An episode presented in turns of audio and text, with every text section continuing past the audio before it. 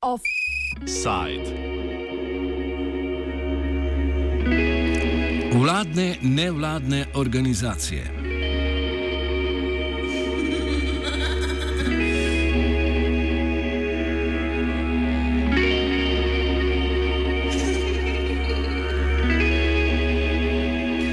Mačarska vlada je v parlamentarno obravnavo vložila predlog zakona, ki bo vladi omogočil poostren nadzor nad nevladnimi organizacijami, ki delujejo na področju migrantov na Mačarskem. Poleg 25-odstotne obdavčitve tujih donacij bo sam obstoj nevladnih organizacij, ki se ukvarjajo z migranti, odvisen od presoje notranjega ministra. Ta bo v primeru sprejetja nove zakonodaje lahko prepovedal delovanje posameznih nevladnih organizacij, če bo presodil, da ogrožajo nacionalno varnost.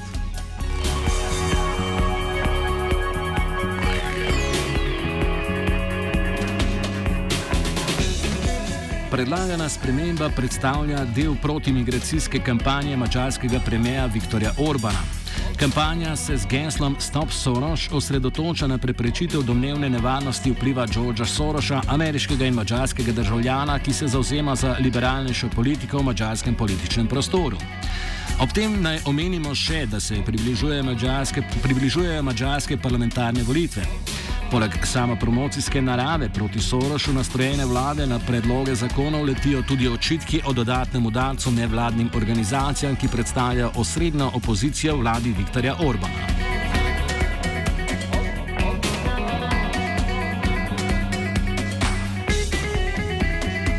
Predlogi zakonov, ki jih je vložila mačarska vlada, so trije. Prvi predlog zahteva licenciranje vseh mačarskih nevladnih organizacij. Licenco notranjega ministrstva pa bo organizacija pridobila, če bo ministrstvo presodilo, da ne ogroža nacionalne varnosti. Drugi predlog določa 25-odstotni davek na vsa sredstva, ki jih nevladne organizacije pridobivajo iz tujine. Dr. Gruša Matežič, upravna svetovalka iz nevladne organizacije Mačarski helsinški odbor, obnovi vsebino zakonodajnih predlogov. Gre za tri predloge. Prvi zadeva licenciranje organizacij, ki se ukvarjajo z migranti. Tokrat to v predlogu je bilo pre, pred tem dokončnim predlogom je bilo rečeno, da bo samo glede ilegalnih migrantov, ampak zdaj je pa nasplošno, torej z prosilci za azil, z begunci, kdo kjerkoli organizacija, ki se ukvarja pač s temi um, osebami. Um, glede licenciranja. Torej, um, predlog predlaga, da mislim, predlog določa, da bodo vse te um, torej, civilne organizacije, nevladne organizacije, morali zaprositi za licenco, da bodo sploh lahko delovali na tem področju. To pomeni, da bodo mogli zaprositi za licenco Ministrstvo za notranje zadeve, ki bo podelilo to licenco samo na podlagi predhodne preveritve ali ta organizacija dejansko ne predstavlja tveganja za državno varnost uh, in preveritve pač, um, vem, preko davčne službe, kakšno je pač plačevanje davkov in ali pridobiva sredstva iz, iz tujine. Um, po tej preverbi, torej po pridobitvi mnenja službe, državne službe za, drža, za varnost, uh, bo minister lahko podelil to licenco. Če te licence ne podeli, dejansko organizacija ne more več obstajati. Torej, če bo organizacija še naprej delovala, bo lahko potem po nadaljem postopku dejansko um, pač razpadla. Mislim, sedišče bo lahko odločilo, da ta organizacija ne more več obstajati, um, davčna številka bo zamrznjena in tako naprej. Skratka, so sankcije. To je prvi predlog. Drugi predlog se nanaša na um, obdavčitev. Torej vse te organizacije, ki se ukvarjajo z begunci, s prosilci za azil in pridobivajo sredstva iz tujine, torej iz katerega koli področja, ne vem, um, kdorkoli da pač um, recimo projekti iz Evropske unije, financirane strani Evropske unije, projekti financirani strani različnih fondacij, ki so bazirane v tujini, uh, na vse te uh, pač na, uh, na ta sredstva bo um, je razpisan 25-procentni davek. Torej, vse te organizacije, ki bodo pridobile licenco, da bodo lahko delovali na tem področju, bodo morali plačati 25% na vsa sredstva pridobljena iz tujine. Tretji predlog zakona pa prepoveduje dostop do območja okoli mačarske zunanje šengenske meje vsem, za katere bo vlada presodila, da njihova pomoč migrantom ogroža nacionalno varnost. Več Gruša Matevžič. Uh, tretji predlog pa se nanaša na um, v bistvu prepoved dostopa do območja blizu meje ali celo celotnega ozemlja države. Torej, če bo um, država mnenja, torej ta varnostna služba, da nekdo predstavlja tveganje za državno varnost, zaradi tega, ker deluje na področju, um, pač pomaga migrantom, pomaga prosilcem za azil, uh, bo lahko pač mu bo dostop do mejnega območja ali celo um, dostop do pač na celem ozemlju Mačarske prepovedanih.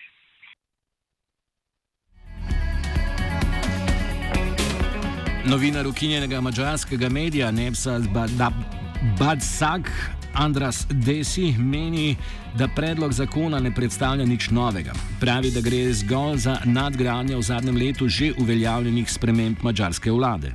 Basically, it's a new law. It's uh, it's against the uh, NGOs. It's targeting the NGOs, but it's it's not a new phenomenon that the Hungarian government is targeting. Uh, the NGOs. A couple of years ago, uh, the Hungarian government started a campaign against the NGOs, brand marking them as foreign agents. And a couple of years ago, uh, offices of, of, of, a very famous Hungarian NGO, Ökotárs, had been searched by the by the by the police. It's uh, the new law is basically it's uh, new restrictions on the on the on the NGO the uh, on the NGOs on those NGOs who as the government claims, are supporting uh, the illegal migration. But but here in Hungary, there are no NGOs who, who would do that, who would who would uh, support uh, the illegal migration. What the NGOs are doing, so they are they are supporting those those people who are uh, who are who, who, are legally legally here in here in here in Hungary. Izpostavljene vsebine novih predlogov zakonov še niso stopile v veljavo.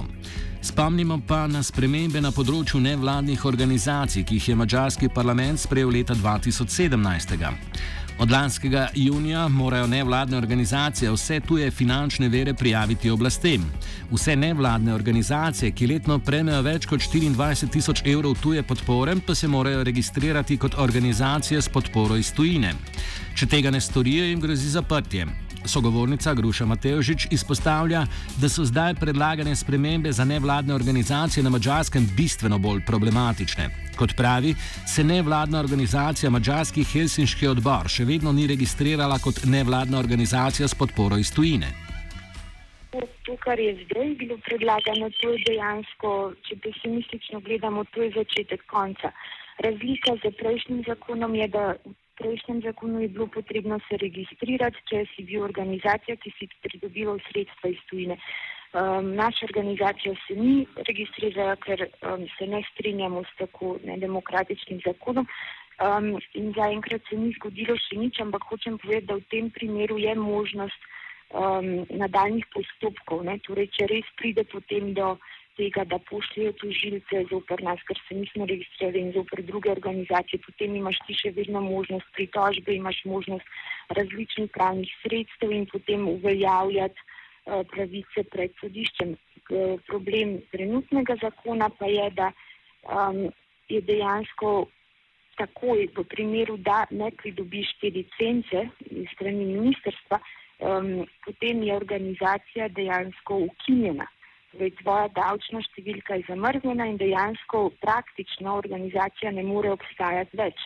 Obstaja možnost pritožbe, pritožba je možno samo, če določena postopkovna pravila niso bila spoštovana strani ministrstva, torej ni možna pritožba zoper vsebinsko presojo, ali bi organizacija dejansko mogla pridobiti ta status ali ne. Plus vprašanje je, kdo bi si sploh želel pridobiti ta status, da bi potem moral plačevati 25 odstotkov davka na dohodke, na sredstva iz tujine, a ne to je tudi drugo vprašanje, ampak hočem povedati, da če bo ta zakon sprejet, potem dejansko pesimistično gledano ne vem, kako lahko organizacije kot je naša in druge, ki se ukvarjajo s pravicami prosilcev za azil, sploh še obstajajo. Tudi nevladna organizacija Amnesty International Hungary lanskih sprememb, ki določajo registracijo iz tujine pridobljenih sredstev, ne upošteva in jih ne podpira. Vlada ni, določila, vlada ni določila kazni za nobene od omenjenih organizacij. Aaron Demeter iz Amnesty International pojasni zakaj. Amnesty International Hungary immediately, with, with some other NGOs, announced uh, in July last year that we are not complying with the law, so we are actually uh, boycotting that law, the previous law. So far, uh, we haven't seen any, or have, we haven't experienced any like administrative or or or, or criminal sanctions. Uh, but there there are some worrying developments from as well. So uh, a partner organization of Amnesty called the Hungarian Helsinki Committee, their uh, contracts with the state were withdrawn by the state after more than 20 years.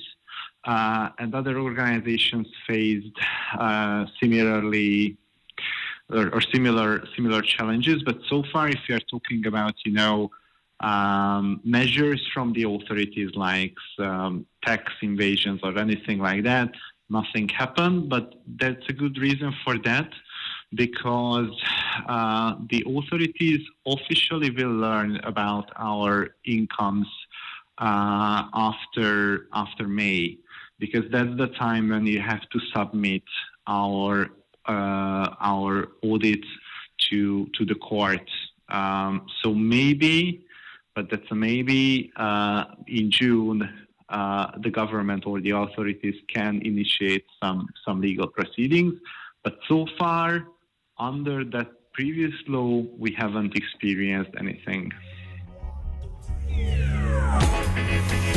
Vsi sogovorci se strinjajo v točki, da je poskus upeljave novih zakonov del predvolilne propagande, cilj pa je utišanje nevladnih organizacij kot osrednje opozicije vladi. Gruša Mateožič med drugim opozarja na možnost, da predlagane zakone ustavi nasprotovanje stranke Jobik, ki zagovarja še ostrejša protimigranska stališča kot vladajoča Fides. Tudi Andras Desi ostaja skeptičen do vprašanja, ali bo vladi uspelo pridobiti dvotretinsko večino za sprejem zakonodaje. Mateožič opozarja, da je vloga nevladnih organizacij predvsem zaradi posrednega ali neposrednega vpliva vlade na krepko večino mačarskih medijev ključnega pomena. Na mačarskem glede, da je opozicija tako šipka, so v bistvu je civilna družba še edini glas ki dejansko nasprotuje, javno nasprotuje um, državnim ukrepom, ki kršijo človekove pravice. Zato država v nas vidi dejansko večjo opozicijo, kot more biti v kakšnih dejansko obstoječih uh, političnih strankah. Ja, lahko bi rekli, da gre seveda za volilno kampanjo, ampak po drugi strani, pa, ne vem, če pesimistično gledamo na vse, ne vem, če bo kaj drugače po volitvah, ne, ker dejansko trenutna oblast se resno želi znebiti vsakršne koli opozicije, naj bo strani civilne družbe ali političnih stran, tako da um, jasno zdaj je vse potencirano pred volitvami, ampak ko pa bo po volitvah, pa bojo še vedno se najbrž želeli znebiti vseh uh, nasprotno mislečih. In uh, tudi potrebno je povdariti, da na mačarskem je neodvisnost medijev že zdavnaj in obstaja več. Torej, v bistvu je civilna družba tista, ki podaja nekako objektivne informacije o tem, kakšna je dejanska situacija na določenih področjih. Če bi samo spremljali mačarske medije, teh informacij dejansko ne bi bilo možno Eh, izluščiti. Ne, tako da tudi zaradi tega je civilna družba tako na udaru. Je pa, jasno, je pa to tudi neke vrste politična kampanja, zaradi tega, ker del teh predlogov je lahko sprejet samo z dvotretinsko večino. Uh, to gre za ta del, kjer. Um, ki ureja delovanje državne varnostne službe. Ne, ker uh, za, za ta del je potrebna dvotretinska večina in jasno najbrž uh, jaz nisem nek politični ekspert, ampak um, splošno mnenje je, da si Fidesz želi sedaj videti, če bo uh, če ga bodo druge stranke v tem podprle, ne da bodo dobili dvotretinsko večino pred volitvami glede tega zakona ali bodo druge politične stranke temu nasprotovale in potem bo, če bodo nasprotovale, potem bo najbrž v medijih um, povezava med um, opozicijskimi političnimi stranki z Sorošem in tako naprej, tako da bodo si še ukrepili um, svojo moč na ta način.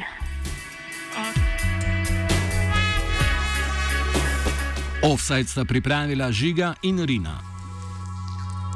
Offside.